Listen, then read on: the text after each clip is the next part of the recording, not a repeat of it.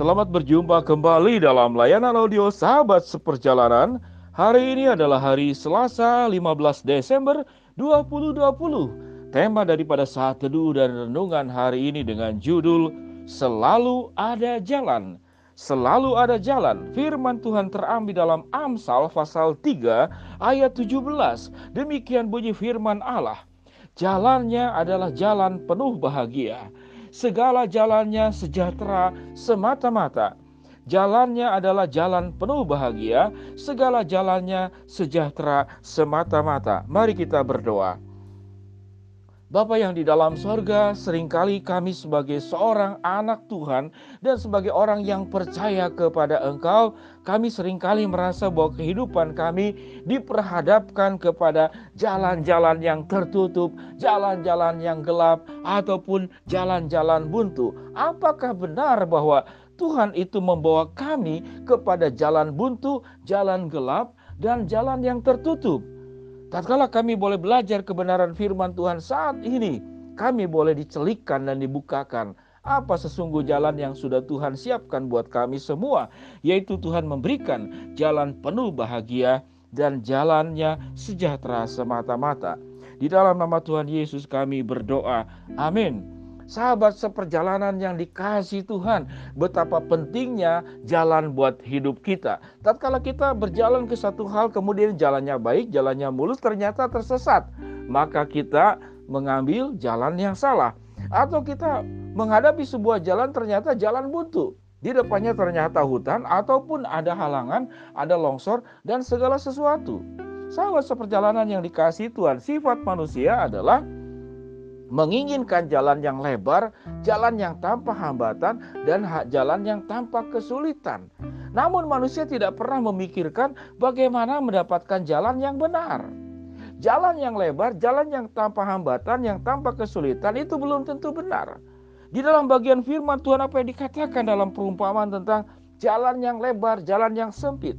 Firman Tuhan berkata, jalan yang lebar itu menuju kepada kebinasaan, sementara jalan yang sempit dan sulit itu menuju kepada kehidupan, menuju pada kekekalan. Sehingga prinsip daripada menjadi orang percaya itu bukan berbicara tentang jalan lebar atau kemudian jalan yang sempit, bukan berbicara jalan yang lancar atau jalan yang ada hambatan. Namun yang paling harus diperjuangkan sebagai orang-orang percaya adalah berjalan di jalan yang benar. Sewaktu kita berjalan di jalan yang benar, bisa saja jalan itu juga lebar, lancar, tanpa hambatan. Namun juga ada kalanya tatkala kita berjalan di jalan yang benar, kita menghadapi jalan yang sempit, jalan yang berliku, kemudian kadang-kadang tertutup jalan dan kita dipanggil untuk membuka jalan. Sahabat seperjalanan yang dikasih Tuhan harus diingat bahwa jalan yang kita lalui itu dulunya bukan jalan. Dulunya adalah mungkin seperti dalam Yohanes Pembaptis. Aku dia berkata, "Akulah oh, suara yang berseru-seru, luruskanlah jalan untuk Tuhan." Dan kau dipanggil sebagai pembuat jalan, bukan sebagai pengguna jalan. Sehingga kehidupan kita tidak boleh semata-mata hanya berbicara tentang bagaimana jalan itu lancar, tanpa hambatan, tanpa kesulitan. Tidak. Kita juga sebagai orang percaya bukan kemudian menantang Tuhan. Ya Tuhan, aku ini gagah, aku ini kuat iman. Berikanlah kesulitan, berikanlah jalan buntu, berikanlah jalan gelap, berikanlah jalan yang ada halangan. Tidak demikian juga. Saya sebagai hamba Tuhan pun tidak berdoa seperti demikian. Namun yang paling benar adalah Alkitab mengatakan kita hidup di jalan yang benar. Bukankah itu yang Yesus katakan, akulah jalan kebenaran dan hidup. Jadi artinya jalan itu harus ada di dalam kebenaran dan jalan itu harus membawa kepada kehidupan. Kehidupan di dalam orang-orang percaya yang hidup di dalam Kristus. Jadi jalan tidak boleh berdiri sendiri. Jalan itu harus benar dan jalan itu harus ada kehidupan Kristus, ada kehidupan Allah, ada kehidupan yang benar di dalamnya.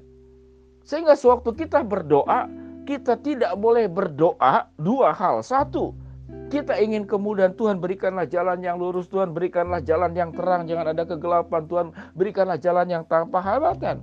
Jangan juga kita sorohani Tuhan aku ini beriman. Aku, aku, aku ini kuat.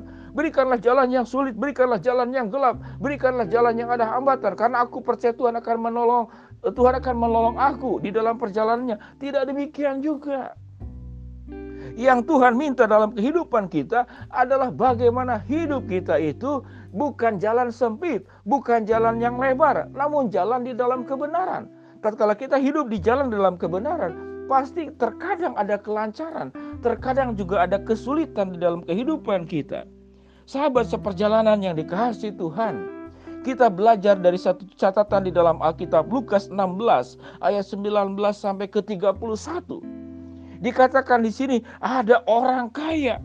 Orang kaya ini bagi saya lambang jalannya lancar, jalannya tanpa hambatan. Bahkan dikatakan dia bisa makan apa saja. Begitu lancarnya kehidupannya. Jadi kekayaan itu salah atau tidak? Tidak, tapi harus ada kekayaan di dalam kebenaran. Lalu firman Tuhan berkata, orang kaya itu dalam kemewahannya dia berjubah ungu. Sementara ada Lazarus, sang pengemis, dengan borok di badannya. Dia makan dari remah-remah yang jatuh dari meja si orang kaya dan berebut makanan di Alkitab katakan dengan anjing. Kita tidak memilih jadi pengemis, kita juga tidak menolak jadi orang kaya. Anda pasti ingin jadi orang kaya, saya juga ingin. Kekayaan itu bukan sebuah dosa. Namun gambaran dalam Lukas pasal 16 ayat 19 sampai ke 31. Orang kaya ini tidak di jalan benar. Kalau tidak di jalan benar kenapa? Mungkin dia tidak mempercayai Tuhan. Atau dengan kekayaannya sampai kemudian Lazarus yang mikis, miskin harus kemudian mengais-ngais remah-remah yang jatuh dari meja orang kaya. Artinya orang kaya ini tidak bisa menggunakan kekayaannya dengan benar. Sampai ada orang yang tersulit, orang yang terpuruk, orang yang kelaparan, namun orang kaya ini makan kekenyangan, masih terus dimakan apa yang ada di hadapan mejanya. Sahabat seperjalanan, kisah dalam Alkitab dalam Lukas 16 apa yang dikatakan? Akhirnya dikatakan orang kaya itu masuk ke dalam perapian yang menyala-nyala. Lalu dikatakan si Lazarus yang miskin ini ada di dalam pangkuan Abraham. Namun orang kaya ini kepanasan di dalam perumpamaan itu. Lalu berseru-seru, "Hai Abraham, aku kepanasan di sini, aku kesakitan di sini. Biarkanlah Lazarus itu mencelupkan ujung jarinya ke dalam air dan air yang ada di ujung jarinya itu menetes di lidahku." Bayangkan.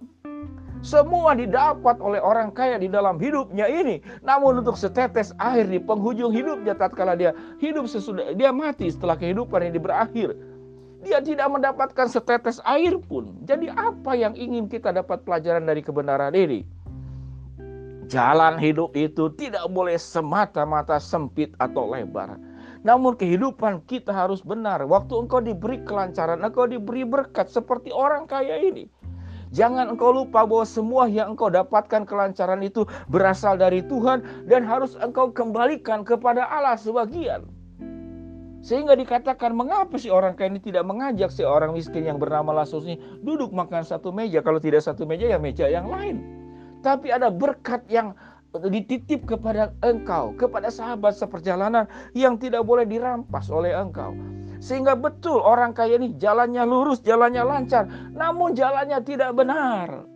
Si orang miskin ini Lazarus jalannya sempit. Di dalam kemiskinannya dia tetap mungkin mengandalkan Tuhan sehingga dia ada di dalam pangkuan Abraham. Sahabat seperjalanan yang dikasih Tuhan. Selalu ada jalan. Kita berdoa agar mendapatkan jalan yang lancar, yang tanpa kegelapan, dan jalan yang bukan buntu. Namun selebih daripada itu di dalam doa-doa kita, yang melebihi doa kita permohonan jalan yang lancar adalah hidup di dalam jalan kebenaran. Itu lebih utama daripada segala sesuatunya. Selalu ada jalan, namun pilihlah jalan yang ada di dalam kebenaran. Mari kita berdoa.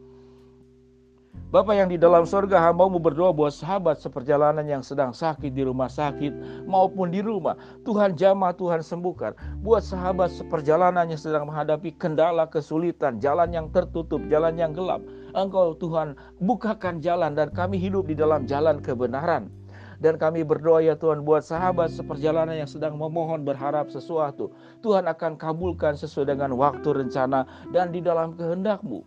Pada akhirnya ya Tuhan, tolong kami semua sahabat seperjalanan di dalam kehidupan kami mencari jalan-jalan Tuhan akan membuka jalan. Firman-Mu berkata Amsal 3 ayat yang ke-17. Tuhan sudah menyediakan jalan yang penuh dengan bahagia. Tuhan juga sudah menyediakan segalanya jalan jalannya itu sejahtera dan dan dikatakan sejahtera semata-mata. Namun juga yang paling utama bahwa kami hidup di dalam jalan kebenaran.